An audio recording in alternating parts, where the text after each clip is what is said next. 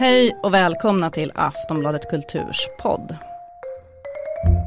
I det här avsnittet ska vi prata om socialdemokratins kris.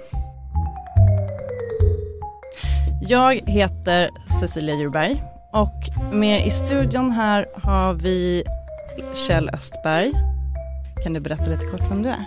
Mm, jag är historiker på Samtidshistoriska institutet på Södertörns högskola och jag har använt mitt forskarliv till att studera sociala rörelser i allmänhet och socialdemokratin i synnerhet. August nominerad ska vi väl säga för en Olof Palme-biografi. Stämmer det? Mm. Ja. Välkommen Enna Gerin, berätta vem du är. Ja, jag jobbar som utredare och är biträdande chef på tankesmedjan Katalys. Eh, jag skrev eh, Katalys valanalys eh, som fokuserar på socialdemokratin och arbetarrörelsen i valet förra året och jag är också med på ett hörn i den nya S-föreningen Reformisterna.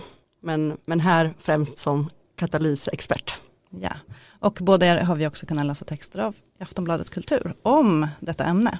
Eh, välkommen också Åsa Lindeborg, eh, kulturchef på Aftonbladet, men du har också doktorerat på Socialdemokraternas historia, stämmer mm. det? Ja, på Socialdemokraternas egen historieskrivning.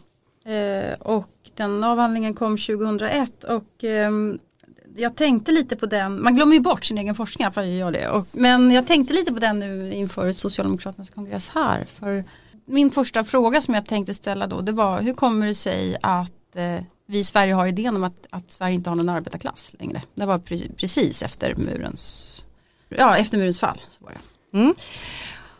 Och, eh, och då tänkte jag hur skildrar Socialdemokraterna arbetarklassen? Det var det som var min fråga och istället så upptäckte jag då att Socialdemokraterna håller inte på så mycket med arbetarklassen utan man håller på med sina ledare. Och den här avhandlingen kom ut precis när Socialdemokraterna började tappa släppa förtöjningarna helt till arbetarklassen och bara rikta in sig på medelklassen. Gud vilken lång presentation. Ja, ja eh, jättebra.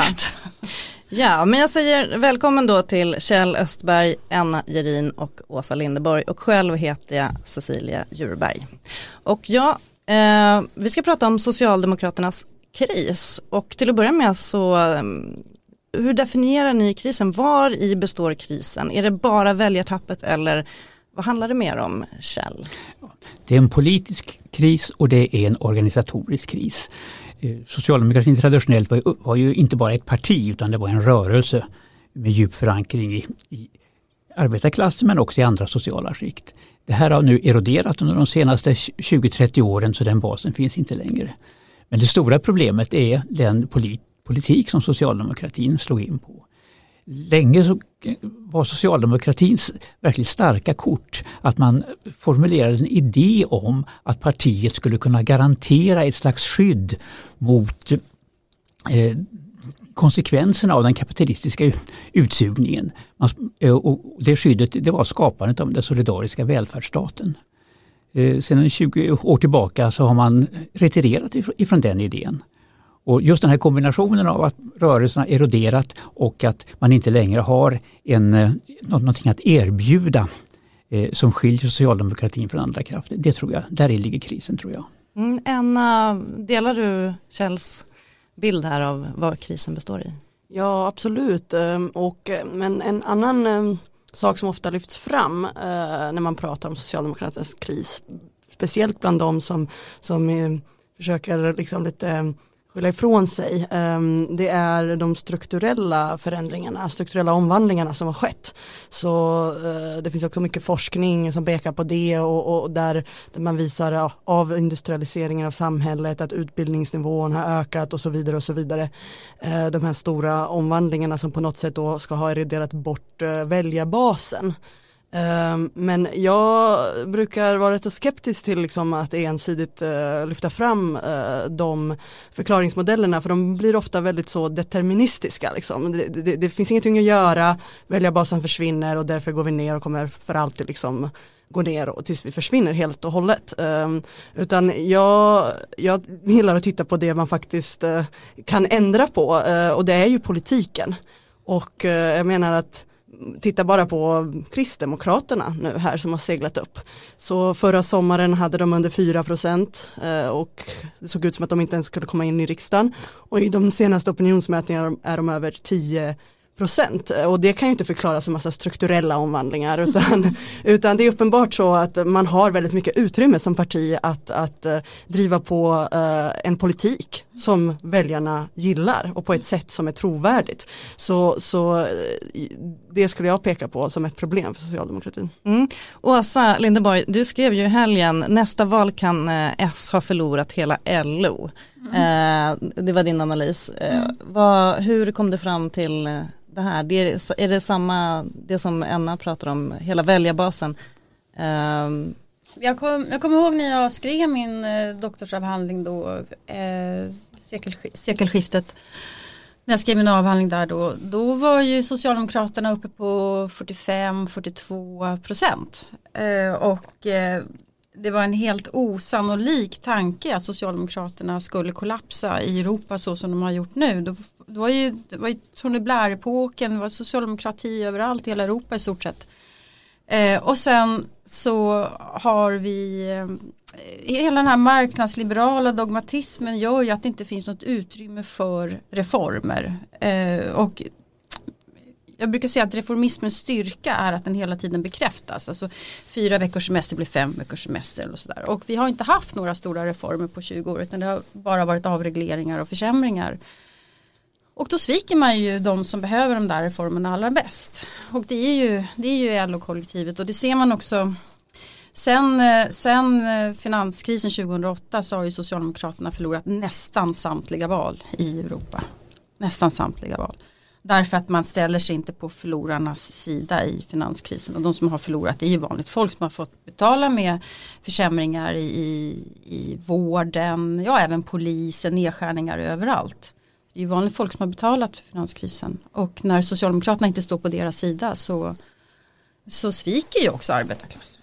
Och lägre tjänstemän. I vår valanalys då, Katalys valanalys, så, så lyfter vi precis fram att det absolut mest oroväckande i valet 2018 är det otroliga tapp som sossarna gör bland sina kärnväljare. Eh, och då, det är liksom, eh, siffrorna är ju fruktansvärda om man tittar på eh, tappet bland eh, LO-medlemmar, tappet bland de som identifierar sig som arbetare, tappet bland eh, de med kort utbildning och också arbetslösa, folk på sjuk och aktivitetsersättning.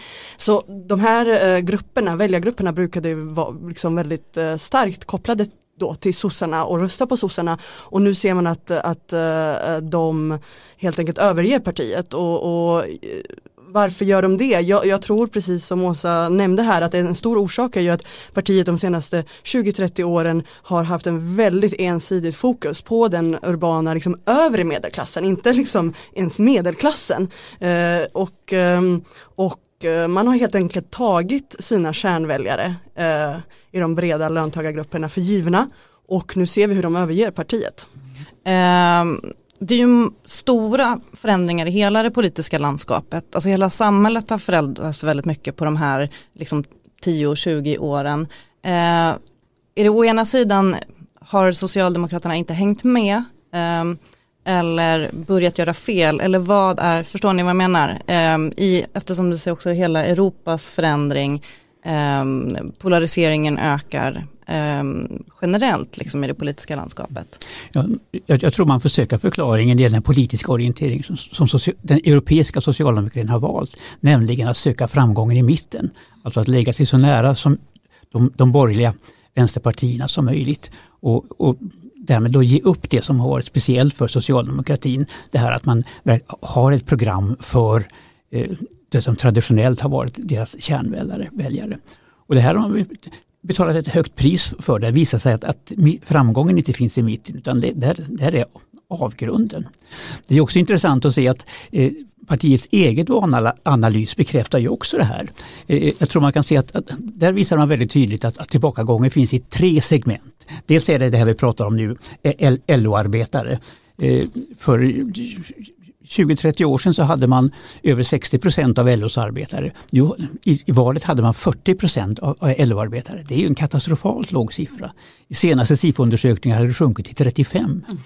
Eh, det, det, andra segmentet det var de unga eh, Eh, som också traditionellt, har, åtminstone periodvis har varit en, stark. Bara 18 procent av dem under 30 år röstar på socialdemokratin.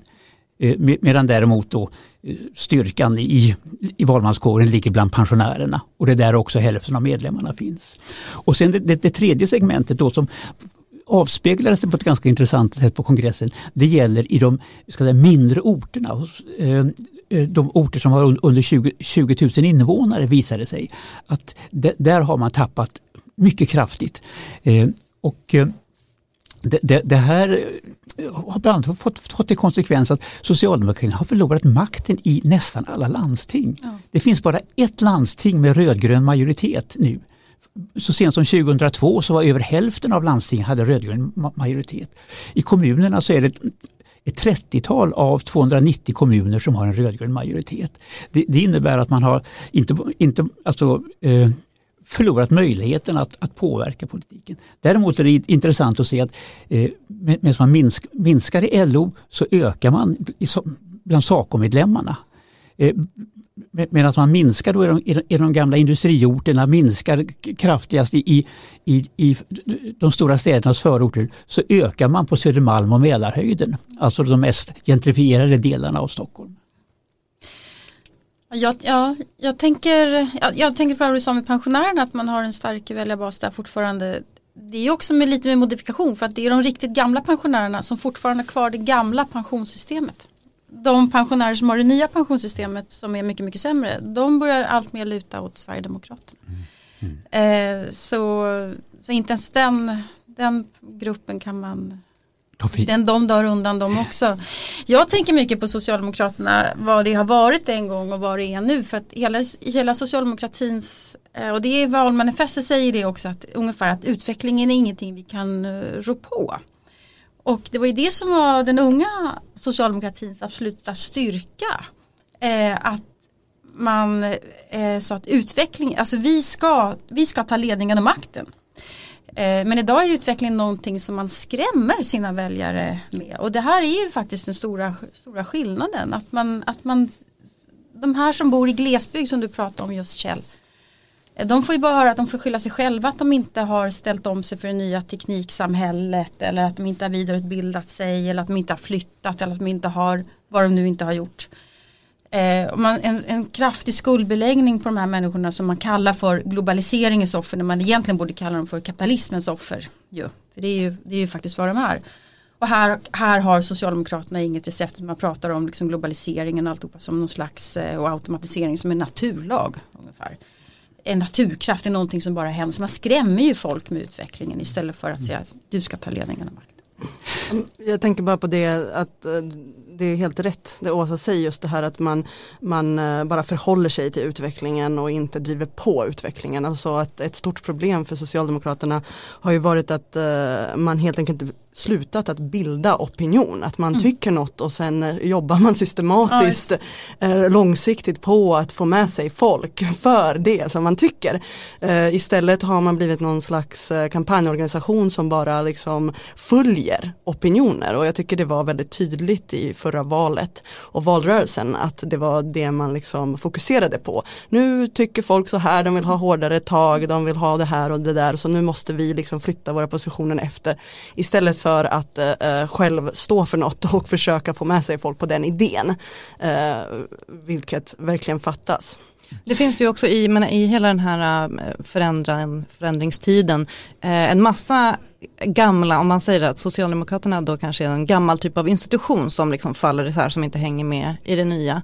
Eh, det gäller ju för en eh, massa andra delar av, eh, av samhället och sen så har vi hela folkrörelseidén. Folkrörelserna har också haft problem eh, att föryngra och förnya och liksom det kanske inte bara går att hänga med utan man kanske behöver liksom utveckla den rörelsen. Mm. Um, hänger det här liksom ihop med väljaren, hur man identifierar sig uh, politiskt? Alltså, eh, om nu folkrörelserna är i kris, och det är de verkligen, så drabbar det naturligtvis det folkrörelseparti som socialdemokratin har varit en gång extra kraftigt. Alltså jag har ägnat de senaste åren till att försöka se vad, vad finns kvar av den här gamla folk, folkrörelse eh, idén inom socialdemokratin. Eh, själv kommer jag från Kramfors. Eh, när jag växte upp där på 60-talet då var eh, Socialdemokraterna tre gånger större än kommunisterna och kommunisterna var lika stora som de borgerliga partierna tillsammans. Det, det, var alltså det röda som man, man kunde tänka sig. Those were the days.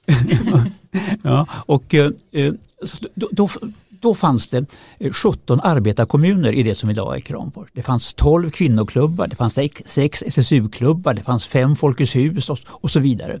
Eh, och hela, hela raddan då, PRO, hyresgästföreningar och så vidare. När jag kom upp dit för, för något år sedan och, och, och för, för, att se hur det ser ut, ja så finns allting kvar. Alltså, strukturerna är kvar, men det finns inte 17 arbetarkommuner, det finns en och en halv. Eh, det finns kanske en kvinnoklubb.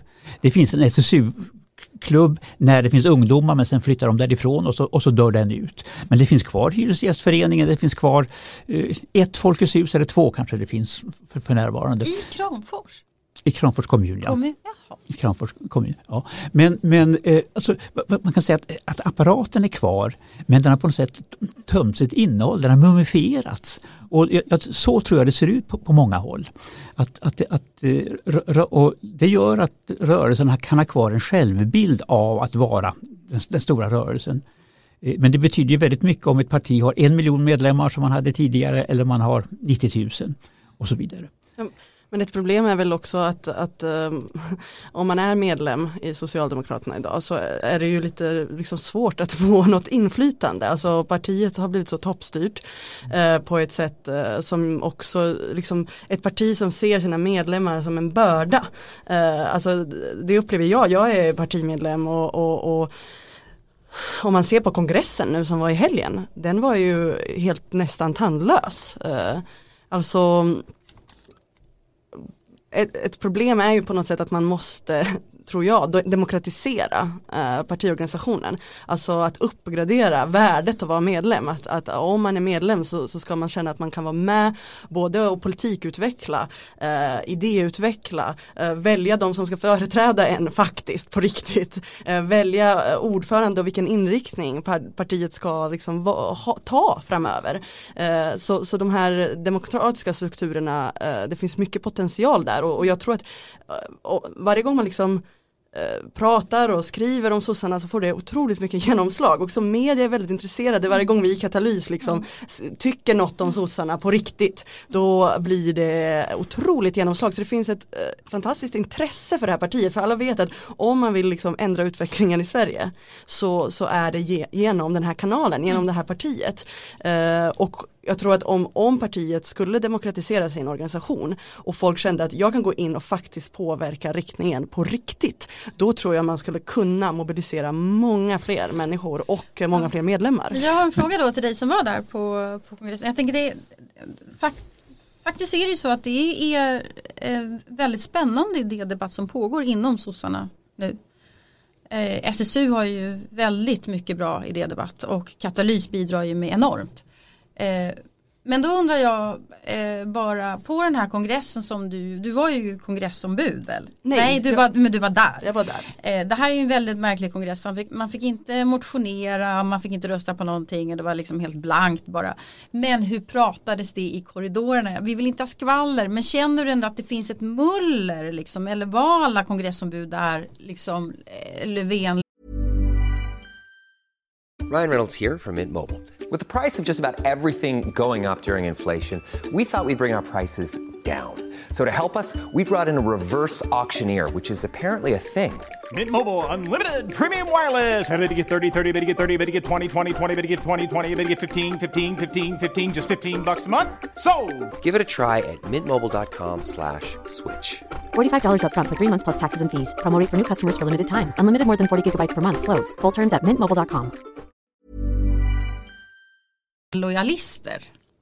Alltså min eh, upplevelse, det, det togs ju faktiskt två program. Så ja. att, eh, så att, och det är klart att delegationerna kan påverka men det handlar nästan mer om att äh, ändra skrivningar, liksom mm. korrektur, mm. korrekturändringar i mm. olika program.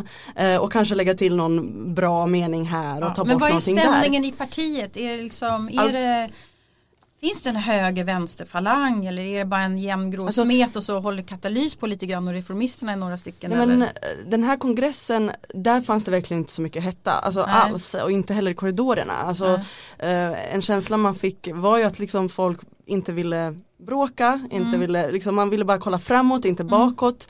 Eh, jag tycker det här var en väldigt märklig kongress på det sättet att vi har, vi har precis haft liksom runt hörnet en valrörelse en väldigt omdiskuterad valstrategi. Vi har ett valresultat från i höstas. Vi har en långdragen regeringsbildning. Eh, vi har ett väldigt liksom, kontroversiellt januariavtal mm. som blev eh, liksom, utfallet av den här regeringsbildningen. Och sist men inte minst så släpptes liksom, partiets egna valanalys förra veckan. Och alla de här grejerna togs överhuvudtaget inte upp. Mm. Eh, så att eh, den här självrannsakan, diskussionen om eh, vad gjorde vi fel vad, och så vidare i valet, alltså där la man på något sätt locket på. Det, det enda man lyckades trycka in lite så här eh, i sista sekund var att köra en upptaktsmöte för EU-valet och EU-valrörelsen. Så att man, man vill liksom bara titta framåt, man vill inte utvärdera och titta bakåt så mycket. Och en, min spaning i princip var att, att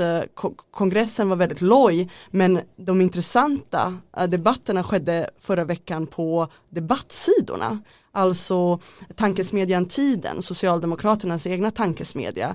Eh, de skrev, eh, Daniel Färm där, chefen skrev en debattartikel på DN Debatt där han polariserade mot katalys och reformisterna och oh, dig också Åsa mm, och Göran, Göran ja, Greider. Ja, det var ju roligt. Ja. ja precis, så där blev det ett intressant replikskifte där reformisterna svarade, där jag svarade häromdagen för katalys men också på Aftonbladet Debatt där det också fanns ett väldigt mm. intressant replikskifte mellan, mellan valanalysgruppen som, som skyller eh, problemen under valrörelsen på att man, tappade, oh, att man släppte fram gymnasielagen eh, medan eh, det finns väldigt starka också grupper inom Socialdemokraterna som vill ha en mindre restriktiv migrationspolitik. Så att, eh, jag skulle säga att spänningsfältet var inte på kongressen utan det finns ett spänningsfält mellan en slags mer mittenorienterad eh, socialliberal eh, linje som Daniel Färm och tankesmedjan Tiden har och Katalys som, som, som, som vill ha en mycket mer rejäl vänstersväng inom partiet. Och sen har du eh, det här spänningsfältet kring,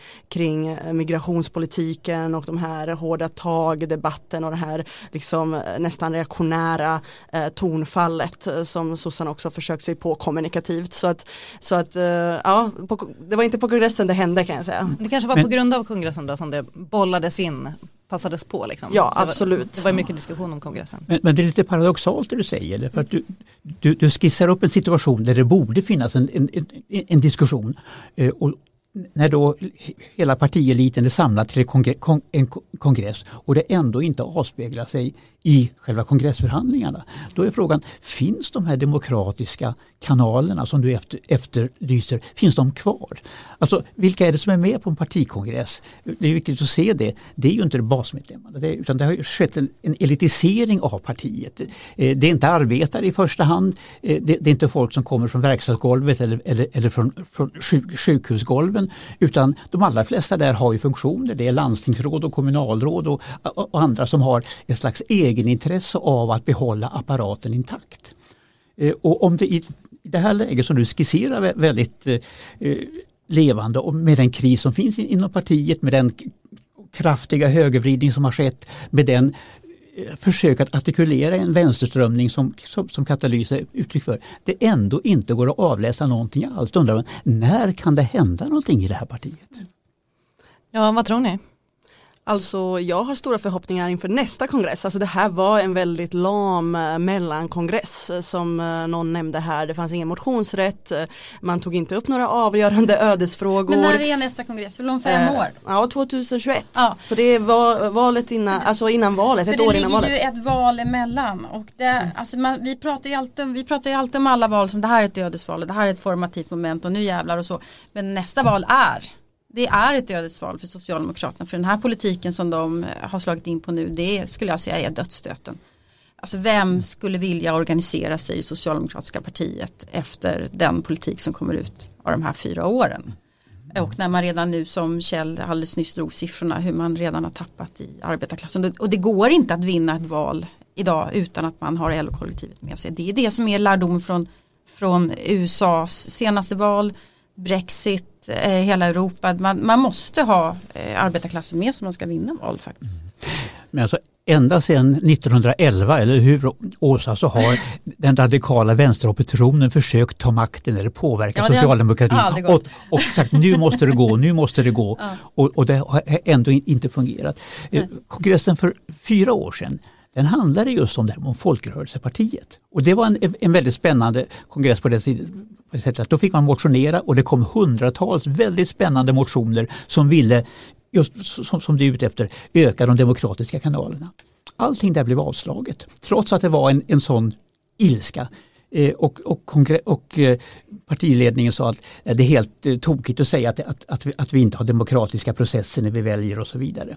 Eh, alltså, det, det blev alltså, istället så erbjöd eh, Löfven ett handslag för framtiden.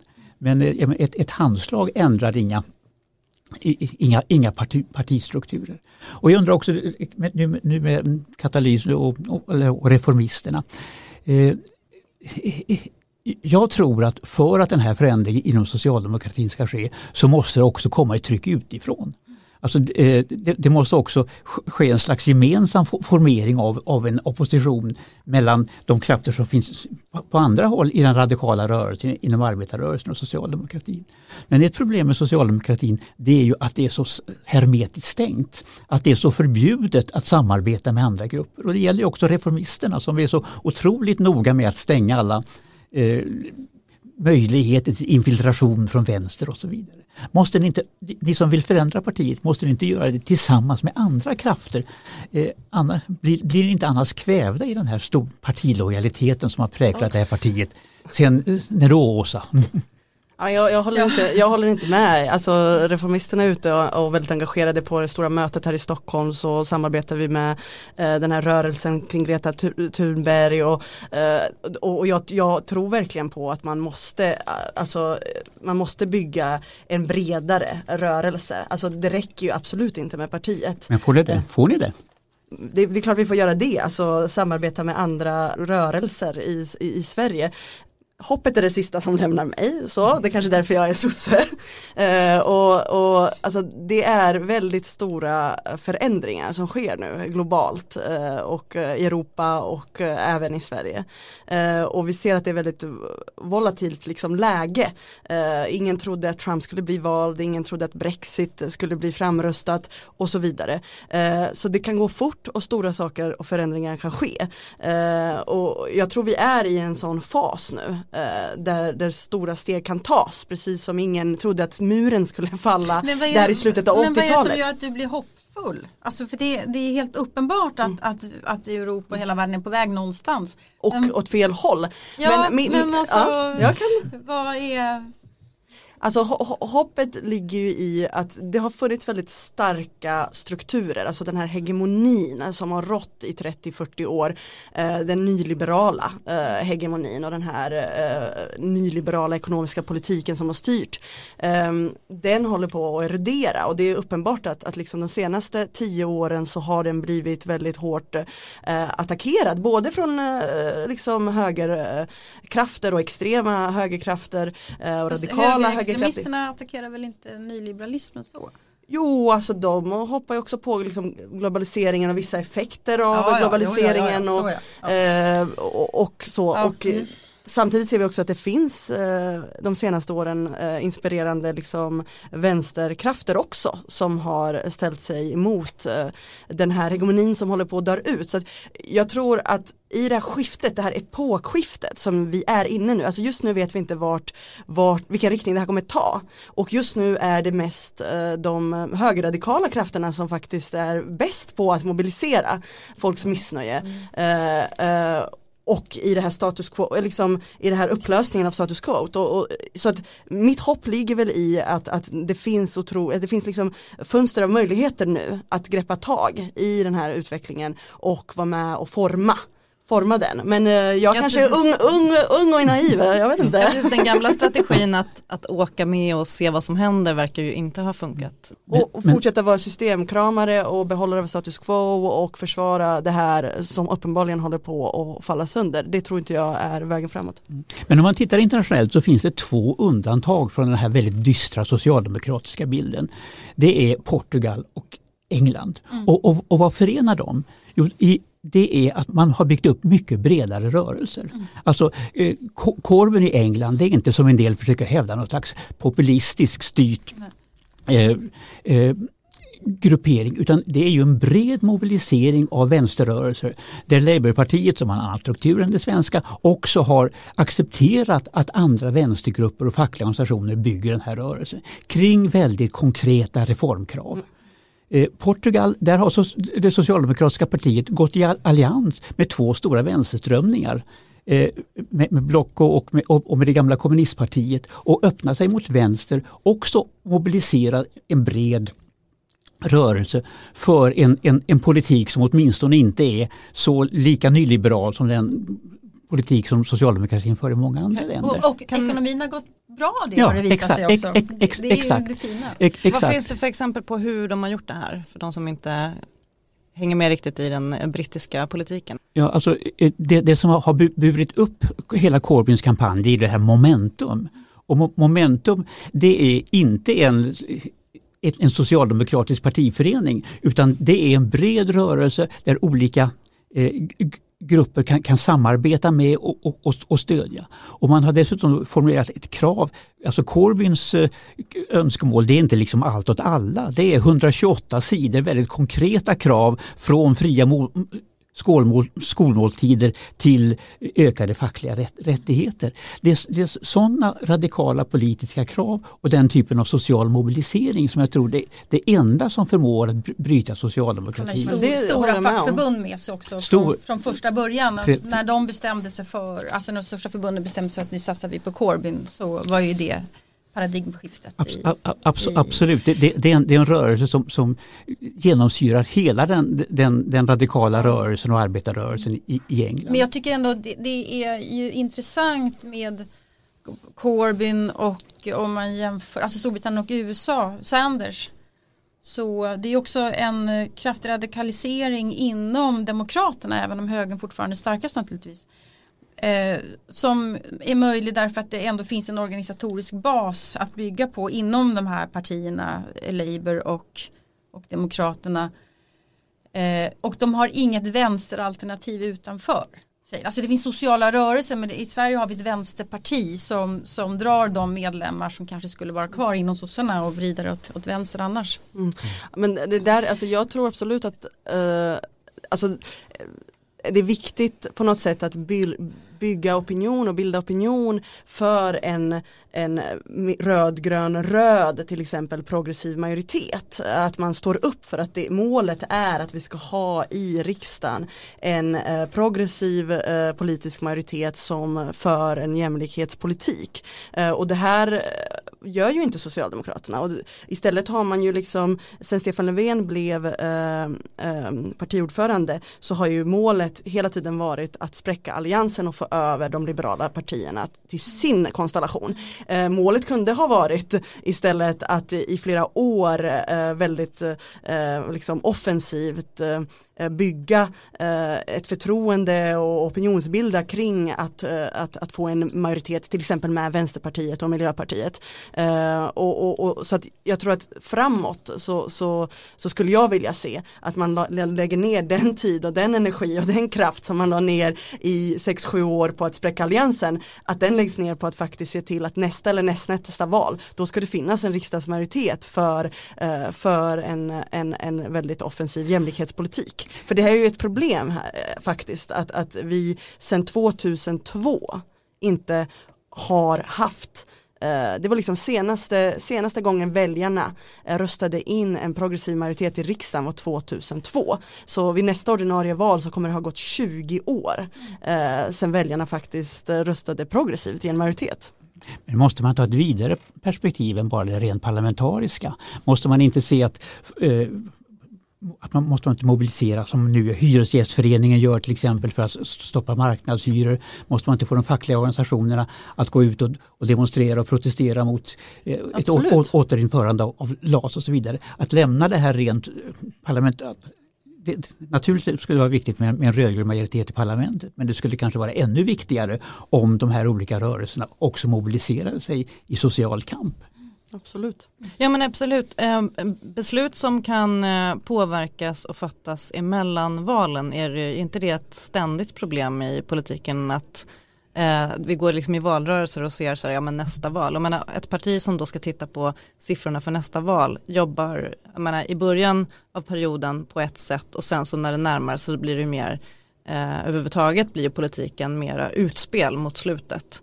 Eh, och om vi tittar då som ni sa 2000, jämfört med 2002, 20 år tillbaka är ju liksom, det är ju, det är ju ingen som minns vad som hände då. Alltså vi har ju allt kortare minne eh, i offentligheten om vad som har hänt och vad som har gjorts.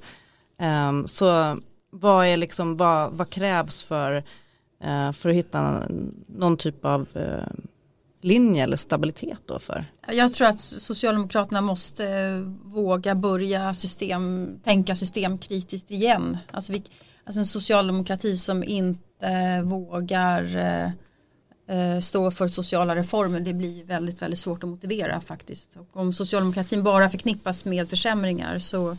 så kan man inte begära att, att, att vanligt folk ska rösta på dem. Det är, jag tycker det är så enkelt faktiskt som jag funderar, jag är livrädd för vad som ska hända med nästa val med Socialdemokraterna. Sverige har ju sammantaget redan nu 60% som röstar, som röstar blått. Mm.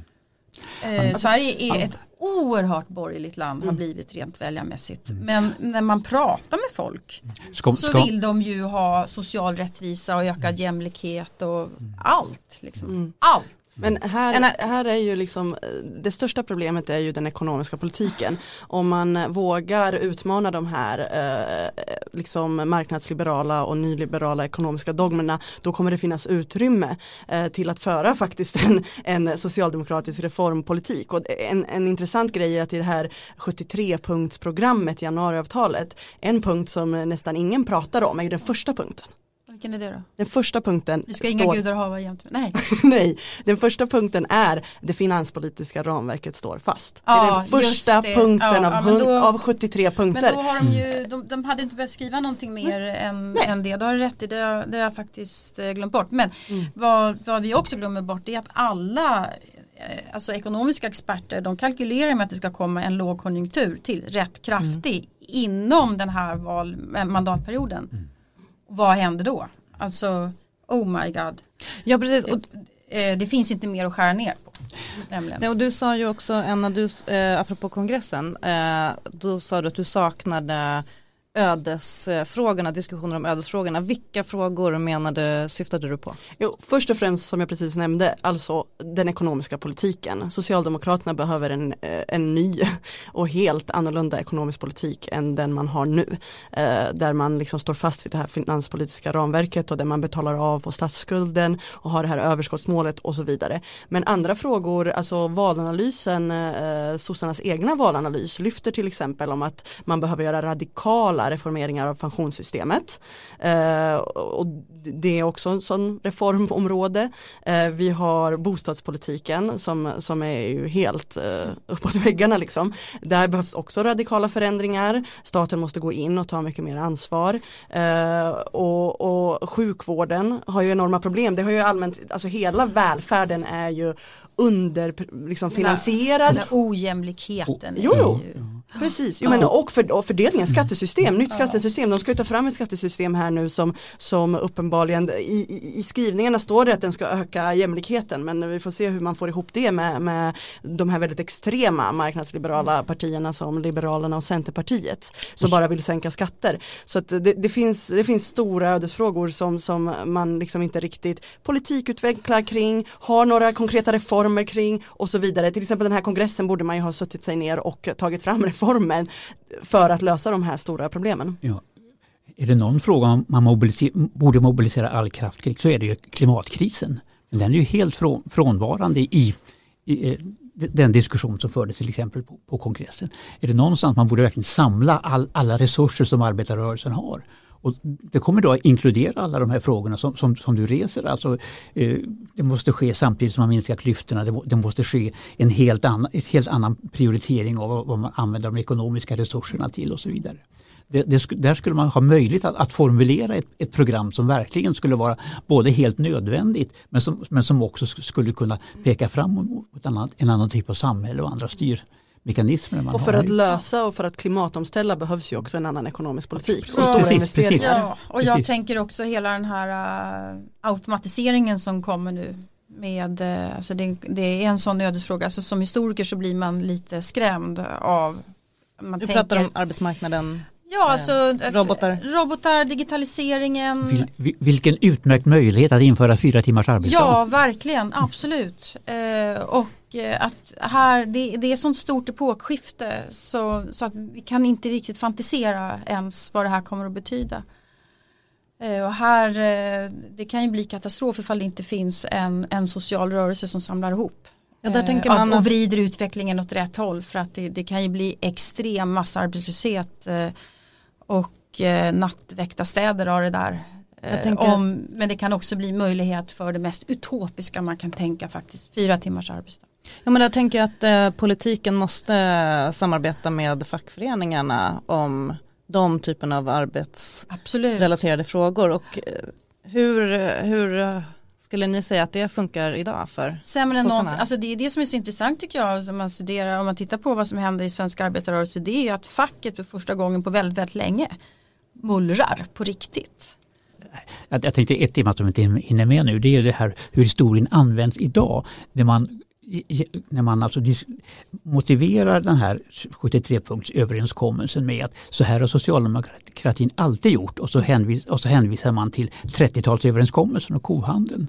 Och glömmer då bort att då samlade man socialdemokratin för att genomföra ett väldigt avancerat re- reformprogram. Ett svar på den kris som, som fanns då. Eh, I, i, i, idag samlar man, samlar, samlar man partiet för att tillsammans med eh, borgerliga partier fortsätta på den nyliberala återvändsgränden. Ja, nej men alltså, eh, ja det är jätteintressant. Eh, Sverige och USA kan man säga hade en slags New Deal-politik båda två i någon variant och eh, följer ju inte händerna för fascisterna. Och Men det var också Men det är, det är ju fascisterna som kommer vinna på det här tror jag. Men, händer nu. men det som är viktigt är ju att det inte bara blir slogans. Alltså Roosevelt till exempel när han stoppade den gryende amerikanska fascismen Mm. då gjorde han det inte genom att bara stå och säga usch de är dumma Nej, nej, och jag nej, är nej, emot högerextremism utan han eh, introducerade de här sociala delarna och gjorde enorma reformer och satte folk i arbete och utvecklade so eh, Medicare och, och så vidare och så vidare. Så att det är ju med de här reformerna som man kan trycka tillbaka de här eh, högerradikala Mm. rörelserna, inte genom att liksom i ett EU-valslogan eh, stå och säga att man står på rätt sida av historien. Eh, tror ni att Socialdemokraterna kommer att eh, lära sig att titta mer på historien, sin egen historia för att titta framåt? Alltså de tittar aldrig på sin historia på det viset som vi som är historiker tycker att de ska göra. Så att, eh, Nej, okej, men om vi ska avrunda här nu då, hur, eh, om vi ska göra en, en jättelång eh, spekulativ gissning som man eh, får göra i Aftonbladet Kulturs podcast. Vad tippar ni, hur går det för eh, Socialdemokraterna i nästa riksdagsval? Fortsätter man på samma väg som nu, 21 procent. Ja, där eh, fortsätter man på samma väg, runt 20 procent. Eh, ändrar man eh, riktning rejält enligt eh, våra rekommendationer så tror jag uppemot 35. Herregud. Va? Åsa, vad tror du? jag, tyckte, jag tyckte 20 lät högt när Kjell sa det. Vad tror du? Under 20 tror jag. Ja. Nej, Jag tror att det, det ser riktigt illa ut för dem faktiskt, tyvärr. Eh, för vi behöver ju ha en, stark och bra socialdemokrati. Mm. Fortsättning följer. Tack så mycket för att ni var med och pratade om Socialdemokraternas kris. Kjell Östberg, Enna Gerin och Åsa Lindeborg. Själv heter jag Cecilia Djurberg och tack så jättemycket för att ni har lyssnat på Aftonbladet Kultur. Hej då! Hej då! Hej hej!